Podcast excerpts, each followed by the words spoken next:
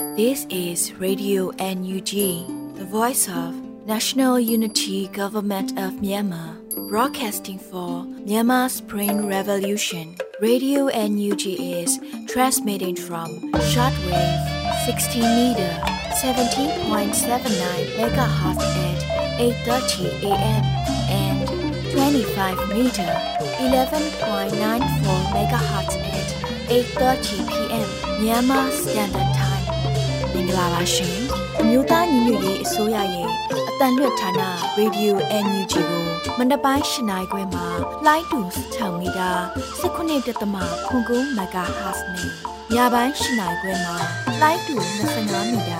17.6ကိုလီမဂါဟတ်စ်တို့မှာဓာတ်ရိုက်ဖမ်းယူနားဆင်နိုင်ပါပြီရှင်မင်္ဂလာအပေါင်းနဲ့ကြည့်ကြကြပါစို့အခုချိန်ကစပြီး Radio NUG စီစဉ်လေးကိုဓာတ်ရိုက်အတန်းနဲ့ပြင်နေပါပြီ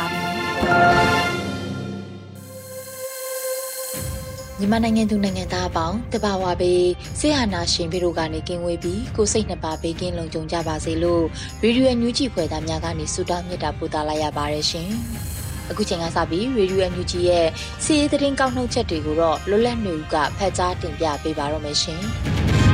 ။မင်္ဂလာပါ။အခုချိန်ကစပြီး2024ခုနှစ်ဇန်နဝါရီလ25ရက်ညပိုင်းမှာတင်ပြမယ် ရေဒီယိုအန်ယူဂျီရဲ့စည်ရည်သတင်းများကိုဖတ်ကြားတင်ပြတော့မှာဖြစ်ပါတယ်။ကျွန်တော်ကလွတ်လပ်နေဦးပါခင်ဗျာ။ပေါတော်မြို့ကို AA ကအလုံးစုံထိန်းချုပ်မြောက်ဦးမင်းပြားကြောက်တော်နဲ့ရတိတောင်မှာတိုက်ပွဲဖြစ်ပွားနေတဲ့သတင်းများနဲ့စတင်ပါမယ်။ရခိုင်ပြည်နယ်ပေါတော်မြို့ကိုရခိုင်တပ်တော် AA ကအလုံးစုံထိန်းချုပ်ထားနိုင်ပြီလို့ညီနောင်မဟာမိတ်သုံးဘွဲကဇန်နဝါရီလ24ရက်နေ့ညမှာသတင်းထုတ်ပြန်ကြေညာလိုက်ပါတယ်။ တန်27စစ်စင်ရေးရက်90မြောက်တိုက်ပွဲသတင်းများထုတ်ပြန်ရမှာအခုလိုထည့်သွင်းကြေညာခဲ့တာဖြစ်ပါတယ်။ရခိုင်ဒေသတွင်းမှာရှိတဲ့ပေါတောမြို့ကိုရခိုင်တပ်တော် AA ကအလုံးစုံထိန်းချုပ်ထားပြီးဖြစ်ကြောင်းတပြိုင်နက်တည်းမှာပဲမြောက်ဦးမင်းပြားကြောက်တော်နဲ့ရသိတောင်မြို့နယ်များရှိလက်နက်ချအညမခံသောစစ်ကောင်စီတပ်ဖွဲ့ဝင်များနဲ့ရခိုင်တပ်တော်တို့ကြားတိုက်ပွဲများပြင်းထန်နေစေဖြစ်ကြောင်းကိုလည်းထုတ်ပြန်ချက်မှာရေးသားထားပါတယ်။အဆိုပါထုတ်ပြန်ချက်ထဲမှာပေါတောမြို့ကိုအလုံးစုံထိန်းချုပ်ထားနိုင်ပြီးဟုသာဖော်ပြထားပြီး ထိမ့်ချုပ်နိုင်ခဲ့တဲ့နေ့ရက်နဲ့မြို့ကိုသိမ်းယူနိုင်ခဲ့တဲ့အသေးစိတ်အချက်လက်ကိုတော့ဖော်ပြထားတာမရှိသေးပါဘူး2023ခုနှစ်နိုဝင်ဘာလလယ်ပိုင်းမှာရခိုင်တပ်တော် AA ကပေါတောမြို့နယ်ကရဲစခန်းနဲ့ဌာနဆိုင်ရာရုံးတွေကိုသိမ်းယူကမြို့ကိုထိမ့်ချုပ်နိုင်ခဲ့ပေမဲ့စစ်ကောင်စီဘက်ကတိုက်ခိုက်ရေးရဟရင်တွေနဲ့စစ်သင်းဘောတွေနဲ့ပြန်လည်တိုက်ခိုက်ခဲ့တာကြောင့်နှစ်လနီးပါးတိုက်ပွဲတွေပြင်းထန်ခဲ့ပြီးတဲ့နောက်ညီနောင်မမိတ်သုံးဖွဲ့ကအခုလိုဇန်နဝါရီလ24ရက်နေ့ညမှာထပ်မံကြီးညာလိုက်တာဖြစ်ပါတယ်။တိုက်ပွဲသတင်းများထုတ်ပြန်ရာ ရန်ပြဲမြို့ပေါ်ရက်ကွက်နဲ့အနီးတစ်ဝိုက်ကိုစစ်ကောင်စီတပ်ကဂျက်လီယန်ရဟရင်တွေနဲ့လေကြောင်းတိုက်ခိုက်မှုတွေလုပ်ခဲ့တယ်လို့ဖော်ပြထားပါတယ်။အဆိုပါတိုက်ခိုက်မှုတွေကြောင့်လူနေအိမ်အဆောက်အုံနဲ့ချောင်းကူတရာချို့ပျက်စီးခဲ့တဲ့ပြင်ရန်ပြဲမြို့မှာရဲစခန်းအနောက်ဘက်မှာရှိတဲ့ရမဝတီဈေးဆိုင်တန်းကဆိုင်ကန်း6ခန်းလက်နက်ကြီးကြီးထိမှန်ကမိလောင်ပျက်စီးခဲ့တယ်လို့အသိပေးထားပါတယ်။ဒါအပြင်ဘူးတီတောင်မြို့နယ်မှာလည်းစစ်ကောင်စီရဲ့စကခ15ကလက်နက်ကြီးနဲ့ပစ်ခတ်မှုကြောင့်မောင်နှမပလဲတောင်ရွာကြီးက အရွယ်မရောက်သေးတဲ့မွတ်စလင်ညီကို၃ဦးသေဆုံးကကလေးငယ်2ဦးအပါအဝင်10ဦးထိခိုက်ဒဏ်ရာရရှိခဲ့တယ်လို့ညီနောင်မမိတ်၃ဖွဲ့ကထုတ်ပြန်ထားတာသိရှိရပါတယ်ခင်ဗျာဆက်လက်တင်ပြမယ့်သတင်းတစ်ပုဒ်ကတော့တာယာဝတီနယ်မှာပြည်သူစစ်ဖွဲ့ရန်စုဆောင်းနေတဲ့အုပ်ချုပ်ရေးမှုကိုရှင်းလင်းနိုင်ခဲ့တဲ့သတင်းဖြစ်ပါတယ်။ပဲခူးတိုင်းတာယာဝတီမြို့နယ်အတွင်းစစ်ကောင်စီအလို့ကျပြည်သူစစ်စုဖွဲ့ဖို့စုဆောင်းနေတဲ့ကြေးရွာအုပ်ချုပ်ရေးမှုကိုပြစ်ခတ်ရှင်းလင်းနိုင်ခဲ့တယ်လို့တာယာဝတီဂလုံတပ်ဖွဲ့ကသတင်းထုတ်ပြန်ထားပါတယ်။ တာယာဝတီမြို့နယ်ချမ်းသာကုန်းကြေးရွာအုပ်စုကပြူစောတီစစ်တင်နန်းစင်အုပ်ချုပ်ရေးမှုလွင်မောင်ကိုနန်းထိုက်အောင်စစ်စင်ရေးဖြစ်၎င်းနေထိုင်ရာတရက်ဖြူကန်ရွာကအိမ်မှာဇန်နဝါရီလ24ရက်နေ့ည9နာရီခွဲအချိန်မှာရှင်းလင်းခဲ့တာလို့သိရပါတယ်။အသက်40အရွယ်ရှိပြီဖြစ်တဲ့ပြူစောတီစစ်တင်နန်းစင်အုပ်ချုပ်ရေးမှုလွင်မောင်ဟာစစ်ကောင်စီလိုကြရရွာနေပြည်သူတွေကိုနိုင်ထက်စီးနှင်းပြုလုပ်ပြီးအာဏာပြချင်းချောက်ကပြည်သူစစ်ဖွဲ့ဖို့စုဆောင်းနေတာကြောင့်ရှင်းလင်းခဲ့ရတာဖြစ်တယ်လို့ တာယာဝတီဂလုံတပ်ဖွဲ့ကအသိပေးထုတ်ပြန်ထားပါတယ်။အဆိုပါစစ်စင်ရေးကိုတာယာဝတီခရိုင်တိုင်ရင်383ညနှစ်တက်ခွဲ3ကရဲဘော်များနဲ့အတူပူးပေါင်းလှုပ်ဆောင်ခဲ့တာဖြစ်ပြီးစစ်ကောင်စီနဲ့၎င်းတို့ရဲ့တောက်တိုင်မှန်သမျှကိုတိုက်ခိုက်ရှင်းလင်းသွားမယ်လို့လည်းတာယာဝတီဂလုံတပ်ဖွဲ့ကသတင်းထုတ်ပြန်ထားပါတယ်ခင်ဗျာ။နောက်ထပ်သတင်းတစ်ပုဒ်ကတော့စစ်ကောင်စီရဲ့ကြောက်ထုစခန်းကိုတော်လိုင်းတပ်တွေကတိုက်ခိုက်သိမ်းပိုက်နိုင်တယ်ဆိုတဲ့သတင်းဖြစ်ပါတယ်။စစ်ကောင်စီရဲ့ကြောက်ထုစခန်းကိုတော်လိုင်းတပ်များကတိုက်ခိုက်သိမ်းပိုက်လိုက်ပါတယ်။ ပထမဆုံးစခန်းသိမ်းတိုက်ပွဲဖြစ်ဒဝဲအရှိတော်ဒေသရှိစစ်ကောင်စီရဲ့ကြောက်ထုစခန်းကိုတန်တမိုင်လ24ရက်နေ့မှာတော်လိုင်းတပ်တွေကတိုက်ခိုက်သိမ်းပိုက်လိုက်တာဖြစ်တယ်လို့သတင်းမှာရေးသားထားပါတယ်။ကြောက်ထုစခန်းမှာဗန်းချောင်းဒေသတွင်တည်ရှိပြီးအဆိုပါစခန်းသိမ်းတိုက်ပွဲကိုတော်လိုင်းတပ်တွေနဲ့ PDF တပ်ဖွဲ့များပူးပေါင်းစစ်ဆင်ခဲ့တာလို့သိရပါတယ်။အဆိုပါစစ်စခန်းမှာလက်နက်ခဲယမ်းများသိမ်းပိုက်ရရှိထားတာကိုလည်းရုပ်သံမှတ်တမ်းများအရသိရှိရပါတယ်ခင်ဗျာ။ ရွှေဘိုခရိုင်တိုက်ရင်များပူးပေါင်းဖွဲ့နဲ့ထိတွေ့တိုက်ပွဲဖြစ်ပွားခဲ့သောခမရ361ခလာရ152ပြည်သူ့စစ်ပူးပေါင်းစစ်ကြောင်းမှဘိုးအဆင့်ရှိသူတဦးအပြင်းထန်ထိခိုက်ဒဏ်ရာရပြီးစစ်ကောင်စီ29ဦးလဲဆေးရုံတင်ထားရတဲ့သတင်းကိုတင်ပြဖို့ရှိပါသေးတယ်။ဇန်နဝါရီလ25ရက်နေ့မှာစစ်ရေးသတင်းနောက်ဆက်တွဲဖြစ်ဒဇယ် TRF ကအခုလိုအတည်ပြုပြောဆိုလိုက်တာဖြစ်ပါတယ်။ဇန်နဝါရီလ22ရက်နေ့မှာရွှေဘိုခရိုင်အမှတ်9 8 1016တိုက်ရင်ပူပေါင်းဖွဲ့နဲ့ ထိတွေ့တိုက်ပွဲဖြစ်ပွားခဲ့သောခမာယာ361ခလာယာ152ပူပေါင်းပြည်သူ့စစ်ပူပေါင်းစစ်ကြောင်းမှဘိုးအဆင့်ရှိသူတဦးအပြင်းထန်ထိခိုက်ဒဏ်ရာရပြီးမန္တလေးသို့တည်ဆောင်သွားတယ်လို့သတင်းမှာရေးသားထားပါတယ်။ဒါအပြင်ထိခိုက်ဒဏ်ရာရတဲ့စစ်ကောင်စီ29ဦးကိုလည်းကမ်ဘလူပြည်သူ့ဆေးရုံနဲ့ပုဂ္ဂလိကဆေးရုံတို့မှာတင်ထားရကြောင်းသတင်းရရှိပါတယ်ခင်ဗျာ။ဒရုန်းစစ်စင်ရေးလှုပ်ဆောင်ရန်ကြိုးပမ်းနေစဉ်ရန်သူရဲ့အလစ်6မြောင်းတိုက်ခိုက်ခြင်းကိုခံခဲ့ရပြီး ဗိတ်ခရိုင်အမှတ်1တိုက်ရင်မှရဲဘော်ဦးဦးနဲ့ KNDO တက်ခွဲ9မှရဲဘော်ပွန်ညာတို့ကြာဆုံးခဲ့ရတဲ့သတင်းကိုတင်ပြပါဦးမယ်။2024ခုနှစ်ဇန်နဝါရီလ23ရက်နေ့မှာဗိတ်ခရိုင်မှတ်1တပ်ရင်းဒရုန်းတပ်ဖွဲ့နဲ့ကရင်အမျိုးသားကာကွယ်တပ် KNTO တပ်ခွဲ9မဟာမိတ်ပူးပေါင်းစစ်ကြောင်းသည်ပလောမြို့နယ်ထမင်းမစားကြေးရွာအုပ်စုဆယ်အိမ်စုကြေးရွာရှိအကြမ်းဖက်စစ်ကောင်စီကိုဒရုန်းနဲ့တိုက်ခိုက်ရန်ကြိုးပမ်းခဲ့တယ်လို့ဆိုပါတယ်။အဲ့ဒါလိုတိုက်ခိုက်ရန်ကြိုးပမ်းနေစဉ်ဒရုန်းတပ်ဖွဲ့သည်ရန်သူရဲ့အလစ်ချောင်းမြောင်းတိုက်ခိုက်ခြင်းကိုခံခဲ့ရပြီး ဗိတ်ခရိုင်မှတ်1တပ်ရင်းမှရဲဘော်ဦးဦးနဲ့ KNTO တပ်ခွဲ9မှရဲဘော်ပုံညာတို့ကြာဆုံးခဲ့ရပါတယ်။ဗိတ်ခရိုင်မှတ်1တပ်ရင်းနေဖြင့်အဆိုပါရဲဘော်နှုတ်ဆုံးရှုံးရခြင်းအတွက်မိသားစုနဲ့ထပ်တူထပ်မြဝမ်းနဲ့ကြေကွဲရတယ်လို့လည်းသတင်းထုတ်ပြန်ထားတာသိရှိရပါတယ်ခင်ဗျာဆက်လက်ပြီးဝန်းတွင်းမှာပြူစောတိတင်တန်းတက်ခိုင်းနေတဲ့အုပ်ချုပ်ရေးမှုပြစ်ကတ်ခံရဆိုတဲ့သတင်းကိုတင်ပြပါဦးမယ်မန္တလေးတိုင်းမိထီလာခရိုင်ဝန်းနေမြို့နယ်မှာကြေးရွာလူထုကိုပြူစောတိတင်တန်းအတ္တမတက်ခိုင်းနေတဲ့နဘဲကန်ကြေးရွာကစစ်ကောင်စီခန့်အုပ်ချုပ်ရေးမှုကို ပြစ်ကတ်တက်ခိုက်ခဲ့တယ်လို့ဒေတာတွင်သတင်းရင်းမြစ်တွေထံကသိရပါတယ်။ဝန်တွင်းမြို့နယ်နယ်ဘဲကန်ကြီးရွာကစစ်ကောင်စီကအုပ်ချုပ်ရေးမှူးကျော်ရှိန်ကိုဇန်နဝါရီလ24ရက်မနက်8နိုင်ခွဲခန့်အချိန်မှာဝင်ရောက်ပစ်ခတ်ရှင်းလင်းခဲ့တာဖြစ်တယ်လို့ဝန်တွင်း Township Revolution Force ကသတင်းထုတ်ပြန်ပါတယ်။အဆိုပါအုပ်ချုပ်ရေးမှူးဟာတယောက်တည်းဆိုင်ကယ်မောင်းနေချိန်မှာပစ်ခတ်ရှင်းလင်းခဲ့တာဖြစ်တယ်လို့ဆိုပါတယ်။စစ်ကောင်စီကအုပ်ချုပ်ရေးမှူးကျော်ရှိန်ဟာကြီးရွာဒေသခံပြည်သူတွေကိုအတင်းကျပ်ဖိအားပေးပြီး ပြူစောတိတင်တန်းတက်ခိုင်းခြင်းကြေးရွာနေပြည်သူလူထုထံကနေငွေကြေးအဓမ္မတောင်းခံခြင်းပြည်သူများစီးပွားရေးကြက်တဲနေချိန်မှာလျှက်စစ်တွေ့တန်းကြီးများကောက်ခံခြင်းတို့ကြောင့်အခုလိုပြစ်ခတ်ခဲ့ခြင်းဖြစ်ကြောင်း WTRF ကအသိပေးထုတ်ပြန်ထားပါတယ်။သောတာရှင်များအခုနားဆင်ခဲ့ရတဲ့စည်ရေးသတင်းတွေကို Radio UNG သတင်းတောက်မင်းတီဟာနဲ့ကိုခန့်တို့ကပေးပို့တာဖြစ်ပါတယ်ခင်ဗျာ။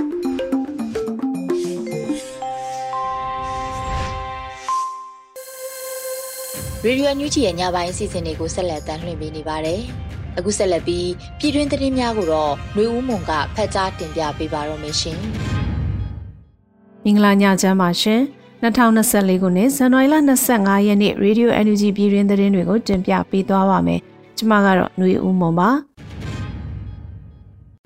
ဒေါန်ဆန်းစုကြည်နေထိုင်တဲ့ရန်ကုန်နေအိမ်ချန်နံပါတ်54ကိုကျပ်ငွေ315ဘီလီယံနဲ့လီလံချမ်းကင်းစေးသတ်မှတ်တယ်လို့သတင်းတွေထွက်ပေါ်နေတဲ့အကြောင်းကိုတင်ပြပေးပါမယ်။ ဒေါ်ဆန်းစုကြည်နေထိုင်တဲ့ရန်ကုန်နေအိမ်ချန်နံပါတ်50လေးကိုကျပ်သိန်းပေါင်း3သန်း3သိန်း5000ကျပ်ကျပ်ငွေ315ဘီလီယံနဲ့လေးလံကျန်းကင်းစေးသတ်မှတ်ပြီး2024ခုနှစ်မလ20ရက်မှာနေရှိမှလေးလံတင်ရောင်းချမှုလုပ်မယ်လို့ရန်ကုန်မြို့ကမာရွတ်ခရိုင်တရားရုံးကဒီကနေ့2024ဇန်နဝါရီလ25ရက်မှာအမိန့်ချလိုက်ပါတယ်။လေးလံတင်ရောင်းချမှုကိုနေအိမ်ရှိမှာပဲလုပ်ဖို့လဲဆုံးဖြတ်ကြောင်းတရားရုံးနဲ့နှီးစပ်တဲ့တိုင်ဝမ်က BBC ကိုပြောတယ်လို့ BBC Breaking News နေနဲ့ဖော်ပြထားပါတယ်။ရန်ကုန်မြို့တက္ကသိုလ်ရိပ်သာလန်ကဒေါ်ခင်ကြီးအမိပေါက်ပိုင်ဆိုင်တဲ့ချန်နံပါတ်50လေးနေအိမ်နဲ့ချမ်းခွက်အမွေမှုနဲ့ပတ်သက်လို့သားကြီးဖြစ်သူဦးအောင်ဆန်းဦးရဲ့ချန်နံပါတ်50လေးချမ်းကြီးနဲ့ချန်နယ်ကနေအိမ်တို့ကိုအမွေခွဲဖို့2022ခုနှစ်ကအထူးယူကန်တက်တဲ့တောင်းဆိုမှုကိုပြည်အောင်စုတရားလွှတ်တော်ချုပ်ကခွင့်ပြုအနိုင်ပေးခဲ့တဲ့နောက်ဒီနောက်ဆက်တွဲအမိန့်ထွက်ပေါ်လာတာလို့လည်းရေးသားထားပါတယ်။ ရန်ကုန်မြို့ဗဟန်းမြို့နယ်တက္ကသိုလ်ရိပ်သာလန်ကဒေါအောင်ဆန်းစုကြည်နေထိုင်တဲ့ချန်နံပါတ်54သတင်းနဲ့ပတ်သက်ပြီးသေးစိတ်ကို BBC ကဆက်လက်ဖော်ပြပေးမယ်လို့သိရှိရပါတယ်ရှင်။ခောက်ချင်းငွေနဲ့ကောက်ခံတဲ့အကြောင်းတွေကိုပြည်သူပညာရေးအကြောင်းအဖြစ်အသိမှတ်ပြုဖို့လောလောဆယ်အစီအစဉ်မရှိသေးဘူးလို့ပညာရေးဒုဝန်ကြီးပြောကြားလိုက်တဲ့အကြောင်းအရာကိုဆက်လက်တင်ပြပေးပါမယ်။ခောက်ချင်းငွေနဲ့ကောက်ခံတဲ့အကြောင်းတွေကိုပြည်သူပညာရေးအကြောင်းအဖြစ်အသိမှတ်ပြုဖို့လောလောဆယ်အစီအစဉ်မရှိသေးဘူးလို့ ပညာရေးဒုတိယဝန်ကြီးဂျာထွဲပန်ကဇန်နဝါရီ25ရက်မှာဆိုရှယ်မီဒီယာမှာပြေကြားထားပါတယ်။ယူပညာရေးအကြောင်းဖြစ်တိမှတ်ပြုရှောက်လာတဲ့အကြောင်းတွေကိုပဲတိမှတ်ပြုဖို့ထည့်သွင်းစဉ်းစားပါတယ်။ပြည်သူဆိုရအနေနဲ့ចောင်းသားမိဘပြည်သူတွေရဲ့ထက်ဝင်လူဒန်းငွေတွေနဲ့လဲပတ်တဲ့ပြည်သူပညာရေးအကြောင်း public school တွေကိုပဲမူဝါဒနဲ့အညီတိမှတ်ပြုမှာဖြစ်ပြီးခချင်းငွေနဲ့ကောက်ခံတဲ့အကြောင်းတွေကိုအသိမှတ်ပြုဖို့လောလောဆယ်အစီအစဉ်မရှိပါလို့ဒူဝင်ကြီးကဆိုပါတယ်။မြို့သားညီညွတ်ရေးအစိုးရဟာ လက်တလုံးမှာဂျာကာလပညာသင်ကြားရေးအစီအစဉ်ကိုအကောင့်ထဲပေါ်ဆောင်လျက်ရှိပြီးတော့မြေပြင်နဲ့ online စာသင်ကျောင်းများကိုပါစစ်စစ်၍တိမှတ်ပြုပေးလျက်ရှိပါတယ်ရှင်။ပြည်내နိုင်ငံသမ္မတအီမန်နျူရယ်မက်ခရွန်နဲ့တွေ့ဆုံစဉ်တီမောသမ္မတဟိုဆေးရာမို့စ်ဟိုတာကမြမရေးလေးနဲ့ထည့်သွင်းဆွေးနွေးခဲ့တယ်လို့ပြောကြားတဲ့သတင်းကိုဆက်လက်တင်ပြပေးပါမယ်။ဇန်နဝါရီလအတွင်းပြည်내သမ္မတနဲ့တွေ့ဆုံခဲ့တဲ့ခီးစဉ်မှာမြမအရေးကိုထည့်သွင်းပြောကြားခဲ့တယ်လို့ အရှေ့တီမောလက်စတေနိုင်ငံသမ္မတဟိုဆေရာမို့စ်ဟိုတာကလည်းဆိုရှယ်မီဒီယာမှာခုလိုသိပေးရေးသားထားပါတယ်။ချက်နိုင်ငံကိုယ်စားလှယ်ဦးလင်းတန်ကလည်းဆိုရှယ်မီဒီယာမှာအသိပေးဆိုရမှာမြမမိတ်ဆွေစစ်စစ်ကြီးဖြစ်တဲ့တီမောသမ္မတကြီးနဲ့ပြည်သစ်သမ္မတတို့ဒီကနေ့ပါရီမာတွေ့ဆုံကြရမှာသမ္မတကြီးဟိုဆေရာမို့စ်ဟိုတာကမြမရဲ့လေးနက်ထဲသွင်းဆွေးနွေးခဲ့တယ်လို့သိရပါတယ်။မြမနိုင်ငံသူနိုင်ငံသားများကိုစားအထူးကျေးဇူးတင်ရှိပါတယ်သမ္မတကြီးလို့ဆိုထားပါတယ်။ အရှိတီမောသမ္မတဟိုဆေးရာမို့ဆိုတာဟာမြန်မာနိုင်ငံဒီမိုကရေစီလမ်းကြောင်းပေါ်ပြန်လည်ရောက်ရှိရေးကြိုးပမ်းဆောင်ရွက်ပေးနေတဲ့မိဘနိုင်ငံတနိုင်ငံလည်းဖြစ်ပါတယ်ရှင်။ KPICT ကတာဝန်ယူအောင်ချခဲ့တဲ့ငွေတိုက်စာချုပ်များကိုဝယ်ယူထားသူများနှစ်နှစ်သက်တမ်းစစ်ရောက်ပါကတန်မိုးငွေပြန်လည်နှုတ်ယူနိုင်တယ်ဆိုတဲ့သတင်းကိုဆက်လက်တင်ပြပေးပါမယ်။ KPICT ကတာဝန်ယူအောင်ချခဲ့တဲ့ငွေတိုက်စာချုပ်တွေကိုဝယ်ယူထားသူများနှစ်နှစ်သက်တမ်းစစ်ရောက်ပါကတန်မိုးငွေပြန်လည်နှုတ်ယူနိုင်တယ်လို့ဇန်နဝါရီလ25ရက်နေ့မှာစီမံကိန်းဗန်နာရေးနဲ့ယင်းနှိမ့်မြုံနယ်မှုဦးစီးဌာနကအသိပေးကြေညာပါတယ်။ငွေတိုက်စာချုပ်များအားရောင်းချခြင်းလုပ်ငန်းစဉ်တွင်မြို့သားညီညွတ်ရေးအစိုးရနှင့်ရည်တည်ချက်တူသောမဟာမိတ်ဖွဲ့စည်းဖြစ်သည့် Kachin Political Interim Coordination Team KPICT အနေဖြင့်လည်းတတတာပါဝင်ကူညီ၍ ကချင်ဒေသတွင်နဲ့ခြားဒေသများတွင်အထူးငွေတိုက်စာချုပ်ကိုတာဝန်ယူရောင်းချပေးခဲ့ပါတယ်လို့ဖော်ပြပါတယ်။ရင်းစာချုပ်များမှတက်တန်းစီရောက်ပြီးနှစ်နှစ်တက်တန်းစီရောက်တော့လဲငွေတိုက်စာချုပ်ကိုဆက်လက်တက်တန်းတိုးရန်ဆုံးဖြတ်ထားသူများအနေနဲ့တီးခြားနီးလန်းဆောင်ရွက်ရန်မလိုအပ်ပဲမိမိတို့လက်ဝယ်ရှိငွေတိုက်စာချုပ်ကိုဆက်လက်သိမ်းဆည်းထားရုံများနဲ့ပတ်တန်းတစ်နှစ်တိုးခြင်းလုပ်ငန်းစဉ်ပြီးမြအောင်မြင်တယ်လို့ဆိုပါတယ်။ ငွေတိုက်စာချုပ်တန်မုံငွေကိုပြန်လည်ရွေးနှုတ်ရန်အစီအစဉ်ရှိသည့်ငွေတိုက်စာချုပ်ပိုင်းရှင်များအနေနဲ့ KPICT ရုံးကိုလူကိုယ်တိုင်ဖြစ်စေ online email KPICT page messenger မှဖြစ်စေဆက်သွယ်နိုင်မှာကြောင်းနဲ့အသေးစိတ်စီစဉ်ကို KPICT ရုံးရဲ့တာဝန်ရှိသူများကကူညီဆောင်ရွက်ပေးသွားမှာဖြစ်ကြောင်းအသိပေးကြေညာထားပါတယ်။မြို့သားညီညွတ်ရေးအစိုးရအနေနဲ့မြမမြေပေါ်မှာအကြမ်းဖက်ဆရာနာရှင်စနစ်အမြန်ဆုံးခြုံငိမ့်ပျောက်ကွယ်ရန်ကြိုးပမ်းရမှာလိုအပ်တဲ့တော်လေးဗန္နာရမုံငွေအားပြည့်စည်နိုင်ရန်ရည်ရွယ်ရှိရှုပြီး နွေမာလ22ရက်2021ခုနှစ်မှာစတင်ကထူငွေရိုက်စာချုပ်များကိုပြည်သူလူထုထံသို့ဖြန့်ဝေရောင်းချခဲ့တာဖြစ်ပါတယ်ရှင်။မြမအရေးကြားနာပွဲမြို့သားညီညွတ်အစိုးရဂျပန်နိုင်ငံဆိုင်ရာကိုယ်စားလှယ်ရုံးမှဦးဆောင်က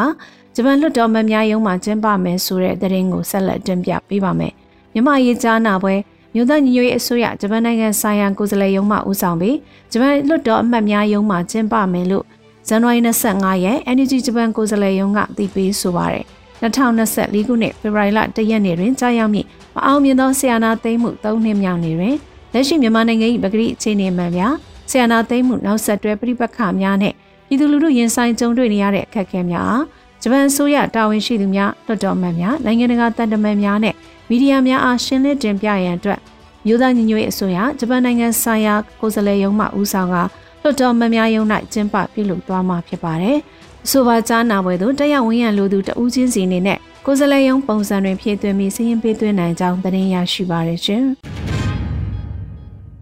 စပေးရှောင်ပြည်သူများကိုစံနဲ့ငွေသားချို့ထောက်ပံ့ကူညီခဲ့တဲ့တဲ့ရင်ကိုလည်းတင်ပြပေးပါဦးမယ်။ချင်းပြည်နယ်ပလက်ဝဒေသမှာရှိတဲ့မြေဝကျေးရွာအုပ်စုမြေဝကျေးရွာကစပေးရှောင်ပြည်သူတွေကိုရခိုင်မျိုးသားဖွဲ့ချုပ် ULA ကစံနဲ့ငွေသားချို့ထောက်ပံ့ခဲ့တယ်လို့ရခိုင်တပ်တော် AA ကထုတ်ပြန်ပါတယ်။ဇ န်နဝါရီလ24ရက်နေ့မှာရခိုင်မျိုးသားဖွဲ့ချုပ် ULA က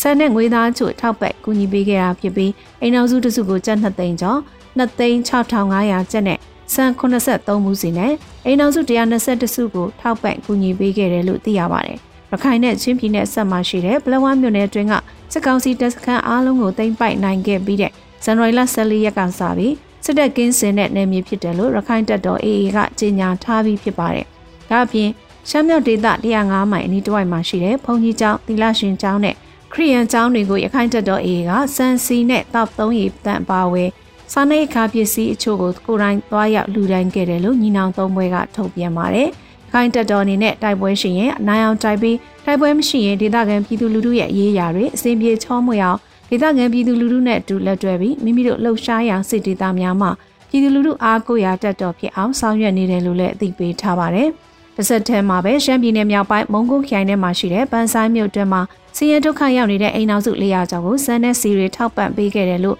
ကိုကန့်တက် MNDA ကထုတ်ပြန်ထားပါတယ်။တရုတ်နှစ်တကူခသမယမှာ MNDA လုံမှုဆောင်ဖွဲ့ဟာထူဒေသတက်မုံကုတ်ခိုင်ပန်ဆိုင်မြို့သို့ဇန်နဝါရီလ22ရက်နေ့ကရောက်ရှိလာပြီးဒေသခံရဲသားများကိုကြည့်ရှုကစီရဲဒုက္ခရောက်နေသူများအတွက်စံတဲ့စီများထောက်ပံ့ပေးခဲ့ပြီးမြို့သားပါတီနဲ့ MNDA စီရေးကော်မတီရဲ့နှွေးထွေးမှုတွေကိုပြသခဲ့တယ်လို့ဆိုပါတယ်။ ဆိုပါလုံးမှုဆောင်ဖွဲ့ဟာဒေသရင်းမှာရှိတဲ့ရက်ကွက်၁၀ခုကအလွန်ဆင်းရဲတဲ့မိသားစုမတန်ဆွမ်းတဲ့မိသားစုနဲ့ဗမာမိသားစုများပါဝင်ဒုက္ခတဲ့မိသားစု400ကျော်ကိုစံတအိတ်စီနဲ့စားသုံးစီတပူစီထုတ်ဝေပေးခဲ့တာကြောင့်စုစုပေါင်းစံဆယ်တန်နဲ့စားသုံးစီဘူး400ထောက်ပံ့ပေးခဲ့တယ်လို့သိရပါတယ်ရှင်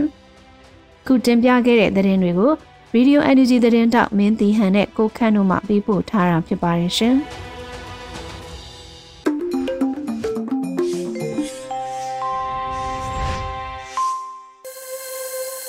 ရေဒီယိုအန်ယူဂျီကိုနာတော်တာဆင်နေတဲ့ပရိသတ်များရှင်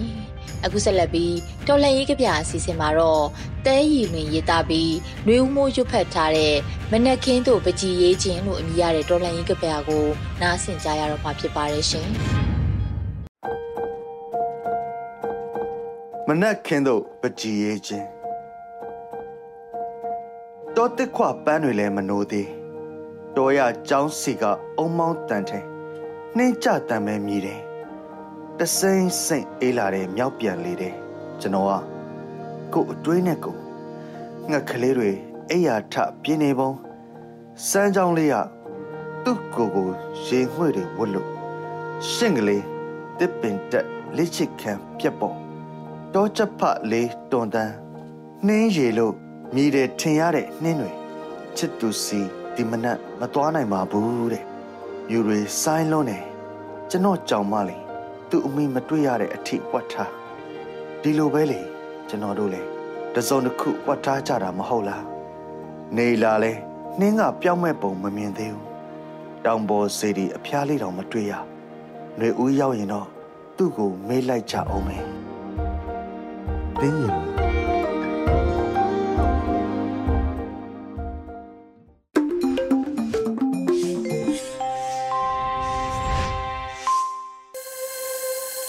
ရေဒီယိုညူချီရဲ့ညပိုင်းအစီအစဉ်တွေကိုဆက်လက်တင်လွှင့်ပေးနေပါတယ်။အခုဆက်လက်ပြီးတယောစာကဏ္ဍအစီအစဉ်မှာတော့အောင်နေမျိုးတင်ဆက်ထားတဲ့တက်ပြက်သွားပြီးဖိုးတက်ပူရဲ့အပိုင်း23ကိုနားဆင်ကြရတော့မှာဖြစ်ပါတယ်ရှင်။တက်ပြက်နေပြီးဖိုးတက်ပူရဲ့တက်ပြက်ကုန်ပြီးဖိုးတက်ပူရဲ့တက်ပြက်သွားပြီးဖိုးတက်ပူရဲ့သူစံနာမြန်သွားတော့ရဲ့ နေပြီတက်ပြတ်ကုန်ပြီတက်ပြတ်သွားပြီဖို့တဲ့ဖို့ရဲ့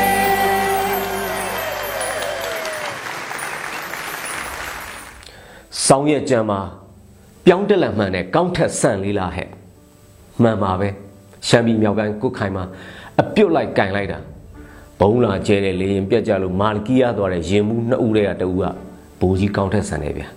ကြက်ကချင်ချက်ကရိုးလာလို့ငှက်ကချင်ချက်ပြောင်းချက်ပြစ်လိုက်တာလေဗျာဗုဒ္ဓပုကျင်ဆိုးအတွက်ကတော့မျက်ရည်တစ်စက်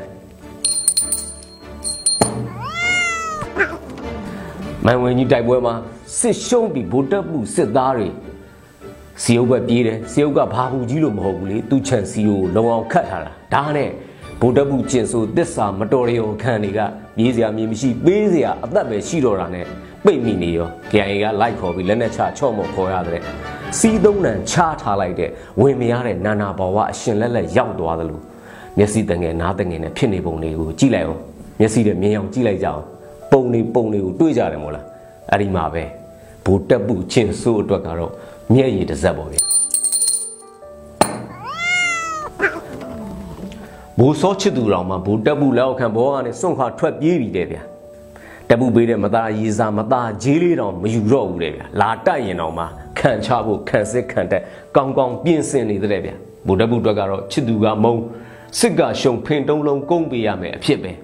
အဲ့ဒီမှာပဲဗိုလ်တပ်ပုကျင့်ဆိုးအတွက်ကတော့မျက်ရည်တစ်စက်ပဲခြေမြန်တက်မတော်ဆိုမှတော့တကယ်ခြေမြန်တက်မတော်ပဲညံချက်ကဝီကနေဆိုတိုင်းကနေအိန္ဒိယရောက်သွားတာနဲ့တရုတ်ရောက်သွားတာနဲ့ အောင်မြင်စွာစုတ်ခွာပြေးဖို့ကိုတက်တက်လေးကျင့်ပေးထားလာအောင်မရတယ်ဗိုလ်တပ်ဘူးကျင်ဆိုးရဲ့ standard army ကြီးကအဲ့လိုဖြစ်နေချိန်မှာဆက်ချုပ်တဲ့ကလေး9ယောက်မိခင် PDF အမျိုးသမီးကို KIA ကတပ်သားအဆင့်ကနေတက်ကြကြီးအဆင့်ကိုတိုးမြင့်ချီးမြှင့်လိုက်တယ်ဘာလို့လဲဆိုတော့ဖားကတ်မျိုးဝေကစကန်သိန်းတိုက်ပွဲမှာရွရွချွန်းချွန်းတိုက်ပွဲဝင်ခဲ့တာကြောင့်ရွှေဆွဲကျိုးနဲ့ငွေသားရောဂုံပြုတ်လိုက်တဲ့ဗျာ အဲ့ဒီမှာပဲပိုတက်ဘူးကျင်ဆိုကော်မနီလင်းအတွက်ကတော့မျက်ရည်တစ်စက်ပါပဲဗျာလောက်ကင်မှာတမိုင်းဝင်ရဲ့ဖြစ်ရဲ့စစ်သား၄000လက်နက်ချအညံ့ခံကြတဲ့ဘုံမူးကျုပ်6ဦးအနက်3ဦးကိုတေတံပေး3ဦးကိုတသက်တကြွချမှတ်ပြလိုက်တယ်မွန်ပြည်နယ်တထုံလေးကျင်ရေးစခန်းကစစ်သားတွေအစုလိုက်အပြုံလိုက်ထွက်ပြေးကြလို့နောက်ကနေလိုက်ဖမ်းပစ်တာမသိမရှင်ဖြစ်နေသူတွေပါမိရှို့တက်ပြလိုက်ကြတယ်အဲ့ဒီလောက်ထိကို ဇက်တူသာပြန်စားနေကြရသည့်အထိကိုတက်ပြက်နေတဲ့ဘိုတက်ပူကျင်ဆိုးအတွက်ကတော့မျက်ရည်တစ်စက်ပါပဲဟိုနေ့အကြောင်ဦးဆိုးဆိုတဲ့ကောင်ကြောင်ဆိုးမနဲ့အစောကြီးသတင်းထတင်တယ်မန်စီမျိုး KIA ဝင်တိုက်နေပြီတဲ့အဲ့မှာပဲချက်ချင်းဆိုသူသူ့အောက်ကဘောမာတွေတက်ဘောမာတွေကနော်ဝင်းမှန်ကုန်ကြတယ်ဘာတွေမှန်လဲဆိုတော့အမြဲခံနေရတာဂျိုးနေပြီတဲ့နာကျင်မှုတွေသူတို့ရဲ့နာကျင်မှုတွေ နောက်တစ်ယောက်ကထပ်မှန်နေတယ်အန်နေရကင်းစွာဆုတ်ခနိုင်ကြပါစေတဲ့အမလေးတိုက်ပွဲတိုင်းအောင်ပါစေလို့တော့မပြောနိုင်တော့ဘူးမသေးအောင်ပြန်ဆုတ်လာဖို့ပဲဆူတောင်းပေးနေရတဲ့ဘောမာတွေအဖြစ်နောက်ဆုံးတစ်ခုကတော့အရန်ကြီးရတယ်ဘလို့မှတ်ထားလဲဆိုတော့ကြမှာပဲနှေးတာနဲ့မြန်တာပဲကွာတယ်တဲ့အဘတက်မတော်ကြီးပေါ်ယုံကြည်မှုတွေဘောမတွေကျင်ဆိုးပေါ်မှာတက်ပြက်ယုံတာမကဘောမတတိုက်ကပါပြက်နေပြီဆိုတာအဲ့တော့ကျင်ဆိုးအတွက်ကလည်းဒါလည်းမျက်ရည်တစ်စက်ပါပဲ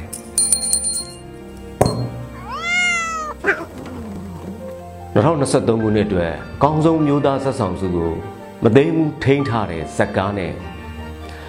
ကိုရိုင်းပရိုဂျူဆာလို့ကိုရိုင်းဇညွန်းရေးကိုရိုင်းဒါရိုက်တာလို့ကိုရိုင်းပဲတရုပ်ဆောင်ခဲ့ရမှာဖေမနိုင်မဲ့ပဲချင်းဟင်းစားငါဖင်ချီဘက်ကဘသူဟာလဲဆိုပြီးလူတကာကိုပတ်ဆွဆွဲမာနတကွန်ထူရင်တလွန်ထက်ထိုင်ပြီးလို့ဖင်မဝဲပေါက်အနုတ်ဆုပ်ဂုတ်ဆုပ်ဘောဟာနဲ့နေဝင်ချိန်ကိုဖြတ်တန်းသွားရပုံကိုအစအလဲဆုံး ကောင်းလွန်းတာမှုရွှေစင်ရုပ်ထုစုခူးသွားရတာပဲဖြစ်ပါတယ်အဲ့ဒီမှာပဲဘူတက်ပူကျင်ဆိုးအတွက်ကတော့မြက်ရည်တစ်စက်ပါပဲဗျာအဲ့ဒီလိုမျိုးနေပြီးတော့သတင်းတွေမှာလည်းရုပ်ရှင်ရိုက်ဖို့ရောင်တော်ပြန်ပြေးတွေဆောက်လွှတ်နေပြီဗုဒ္ဓဘုကျင်စိုးစီကနေအာနာပြန်သိမ့်ဖို့ဆိုတာစိုးဝင်းတယောက်အနေနဲ့ဘာမှမခက်ဘူးဘာတင်ကားမှမလုပ်ဘူးဒူးကျုပ်လက်အောင်မှာတင်အင်အားကအများကြီးပဲစစ်သားလေးယောက်လောက်နဲ့သွားခွင့်အောင်ရတယ် အခုကြားနေရတဲ့သတင်းတွေကရှောက်တာခုနလိုရုပ်ရှင်ရိုက်ဖို့ကိုဖေးသီးများဖြင့်ကိုကိုပြန်လှုပ်ရှားနေခြင်းနဲ့ဖြစ်နိုင်တယ်ရုပ်ရှင်ရိုက်မှန်တာရိုက်ဖို့တာပဲဦးစားပေးတစ်ကပါနှစ်ကပါဆိုတာပြင်ထားပြီးသားဂျာပြက်အစိုးရလိုထဖွဲ့နိုင်ငံတကာအင်အားစုများကြားဝေဝါတွေ့ဝအောင်တွေ့ဝေအောင်ဖန်တီးရန်မှုလုပ်တယ်မြစ်ဆွေ ICU ထဲရောက်နေပြီဆိုတာလဲဂျင်းဘယ်မှမရောက်အကောင်းတိုင်းရှိတယ်လူမျိုးရေးဘာသာရေးများဖြင့် ဝါရာမှိုင်းတိုက်ပြီးအချုပ်ချအာဏာထိပါလာနေပြီဖြစ်ကြောင်းဗန်းပြပြီးတော့ EROSD တော်လိုင်းရေးသမားများပြည်ပများရောက်နေသူများနဲ့သွေးခွဲကြံစီဖို့လုပ်နေတာပဲဒါတွေကရုပ်ရှင်ရိုက်ဖို့ပြင်နေတာဒီဖြစ်စဉ်ကို ERO များလည်းသဘောပေါက်ရန်လိုတဲ့တိုင်းတစ်ပါးရန်ကာဝယ်ရန်ဘာရန်ဆိုပြီးစစ်မှုမှထမ်းမင်တွေကပုံစံမျိုးတွေစီယုံပြီးတော့လှုပ်လာနိုင်တာတွေလည်းရှိတယ်မြန်မာလူမျိုးရဲ့အားနည်းချက်ကိုစိတ်ဓာတ်ကိုကကစားရန်လုပ်နေတာရုပ်ရှင်ရရင်အားလုံးစီစဉ်ပြီးသားဖြစ်နေပြီ အရိုက်ခံလိုက်ရင်တော့နောက်ထပ်250 100သာဆက်ခံကြရအောင်ဒီလိုမဖြစ်ဖို့အတွက်နောက်ကနေလိုင်းပေါ်မှာပွားဆန်ကျဲပြောနေတာတွေရက်ဘောမရက်ွက်တွေဗုဒ္ဓဘုကျင်စုဖယ်ပေးပါပြီးညာပေးလုပ်နေတာတွေအဲ့ဒါတွေကိုဘယ်အာနာပိုင်းမှမဖမ်းဘူးဘယ်သူမှမတားဆီးဘူးလှုပ်ပေးတာအသာကြည့်တာအဲ့ဒါဘာကွက်တွေလဲသိတာပါဒီယုံမြင်လို့ဒီထုံထွင်းနေကြတယ်ဆိုတာသိတာကြီး မြုံမရှိနဲ့ဗန်ဒီယူရိုဒီကိုမြတ်တို့ရွှေမန်းတို့အောင်မင်းတို့လိုဟာတွေနဲ့ပနာတင်းတဲ့သူတွေကိုအပျော်လိုင်းသမားတွေစစ်ကောင်စီဩဇာခံတော်လိုင်းကောင်းဆောင်တွေဒရမာရုပ်ရှင်တွေပေါ်လာပါလိမ့်လုံးဝဝေဝါးသွားလို့မဖြစ်ဘူးစက်တိုက်ရမယ်တဲ့ရှေးသူသာဥဒီရမယ်ဘယ်ဇက်ကွက်ဘယ်ဇက်မျိုးမှညှို့မလိုက်သွားကြနဲ့တဲ့တတိချက်ကြပါ ဗုဒ္ဓဘုကျင်ဆိုးပြုတ်သွားရုံဂျာပြတ်ဆိုးရပေါ်လာရုံနဲ့တော်လန်ရေးကမအောင်နိုင်သေးဘူးတဲ့ဗျာလုံးဝမမမေးနဲ့မပိန်းကြနဲ့စစ်ခွေးမိစ္ဆာတွေရဲ့လှဲ့ကွက်အောင်မှာမျက်စိနာမမောက်ကြနဲ့ဆိုပြီးတော်လန်ရေးသမားအချင်းချင်းတတိအပြန်လန်ပေးလို့စီးလုံးမှုတွေပုံမူခိုင်မာအောင်ကြောချင်းကက်လို့ယုံနေကြတယ်ဗျာအဲ့ဒီမှာပဲဗုဒ္ဓဘုကျင်ဆိုးအတွက်ကတော့မျက်ရည်တစ်စက်ပါပဲဒီဘက်တွင်ထဲမှာလဲ စစ်ကောင်စီကကြားပြတ်ဆိုးရဖွဲ့ပြီးမူတူအေးမောင်တို့နဲ့ထုတ်သုံးမယ်လို့လဲကြားနေရတယ်ဒေါ်လာဘက်ကရောသူတို့ဘက်ကရောစံနာပြတာခန်းနေရတဲ့ဗုဒ္ဓဘုကျင်ဆိုးကတော့ကွင်းလေကဘောလုံးလိုဖြစ်နေပြီနှစ်ဖက်သင်းကကန်တာခံနေရတဲ့သဘောမျိုးဗုဒ္ဓဘုကျင်ဆိုးဘလို့ပင်ရှိစေကိုယ့်ဘက်ကအာယုံတွေမထွေပြားမဝေဝါးကြဖို့လိုတယ်တော်လိုင်းကြီးမှုံနိုင်ဘိုးချက်ကတကယ်တော့စကိုင်းတိုင်းပဲစကိုင်းတိုင်းကိုအာပြုထားစုပြီးတော့လှူကြကူကြထုကြပါ ကျွန်တော်တို့တွေလက်ခုပ်တီးအားပေးရတဲ့အဆင့်ကနေရောက်မှမသိရောက်နေရတဲ့အဆင့်ကိုမဖြစ်စေချင်ဘူးဗျာတိုင်းသားနယ်မြေတွေမှာ NLD ကလေအကြီးပစ်ချလိုက်ပြီးဟေးဆိုဟေးဆိုလက်ခုပ်တွေထပြီးကြမြောက်သုံးကောင်လေငါပစ်ချလိုက်ပြီးဟေးဆိုတခါဟေးဆိုလက်ခုပ်တွေထပြီးကြ KIA ကလေရင်ကြီးကိုပစ်ချလိုက်ပြီးဟေးဆိုလက်ခုပ်တွေထပြီးကြအေကမြို့သိမ်းတိုက်ပွဲတဲ့ဟေးဆိုအားတခါပြီးကြ ချင်းပြည်နယ်မှာစခန်းသိမ်းတိုက်ပွဲတဲ့ဟေးဆိုတခါလက်ခုပ်ပြီးအားပေးကြအဆင့်ကနေထက်ပြီးကျွန်တော်တို့တက်လန်းကြရအောင်ပါကြံရေးမဖြစ်စေဖို့ဟန်ချစ်ချစ်မနေကြပါနဲ့တကယ်လက်တွေ့ကူကြလှူကြထူကြပါညူညာအောင်ချောင်းဖြာရအောင်ညီညာချင်းဒီအောင်ချောင်းဖြာအောင်အောင်ပွဲကလက်တကန်းဆိုတကယ်ကိုလက်တကန်းမှာရှိနေပါပြီရေးတော့ပေါ့အောင်နေပြီ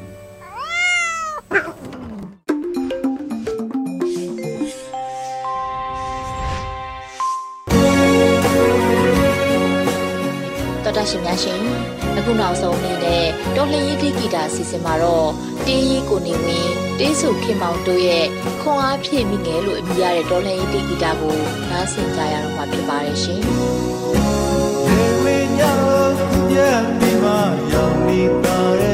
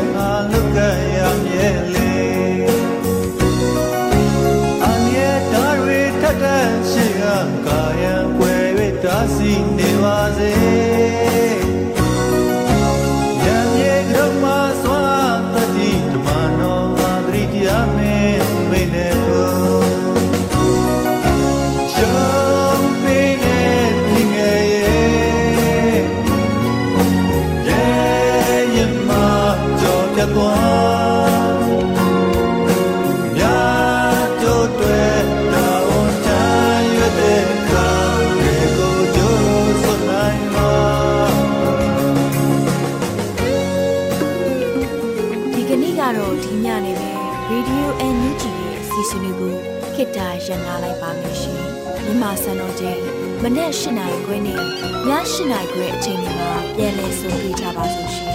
Radio NUG ကိုမနေ့ပိုင်း၈နိုင်ခွဲမှာလိုင်းတူ16မီတာ19.7 MHz နဲ့ညပိုင်း၈နိုင်ခွဲမှာလိုင်းတူ25မီတာ17.6 MHz တို့မှာဓာတ်ရိုက်ဖမ်းယူနားဆင်နိုင်ပါပြီရှင်။ မြန်မာနိုင်ငံသူနိုင်ငံသားများကိုယ်စိတ်နှဖျားစမ်းမချမ်းသာလို့ဘေးကင်းလုံခြုံကြပါစေလို့ Radio NUG ရဲ့ဖွဲ့သူဖွဲ့သားများကဆုတောင်းလိုက်ရပါတယ်။ San Francisco Bay Area အခြေစိုက်မြန်မာမိသားစုများ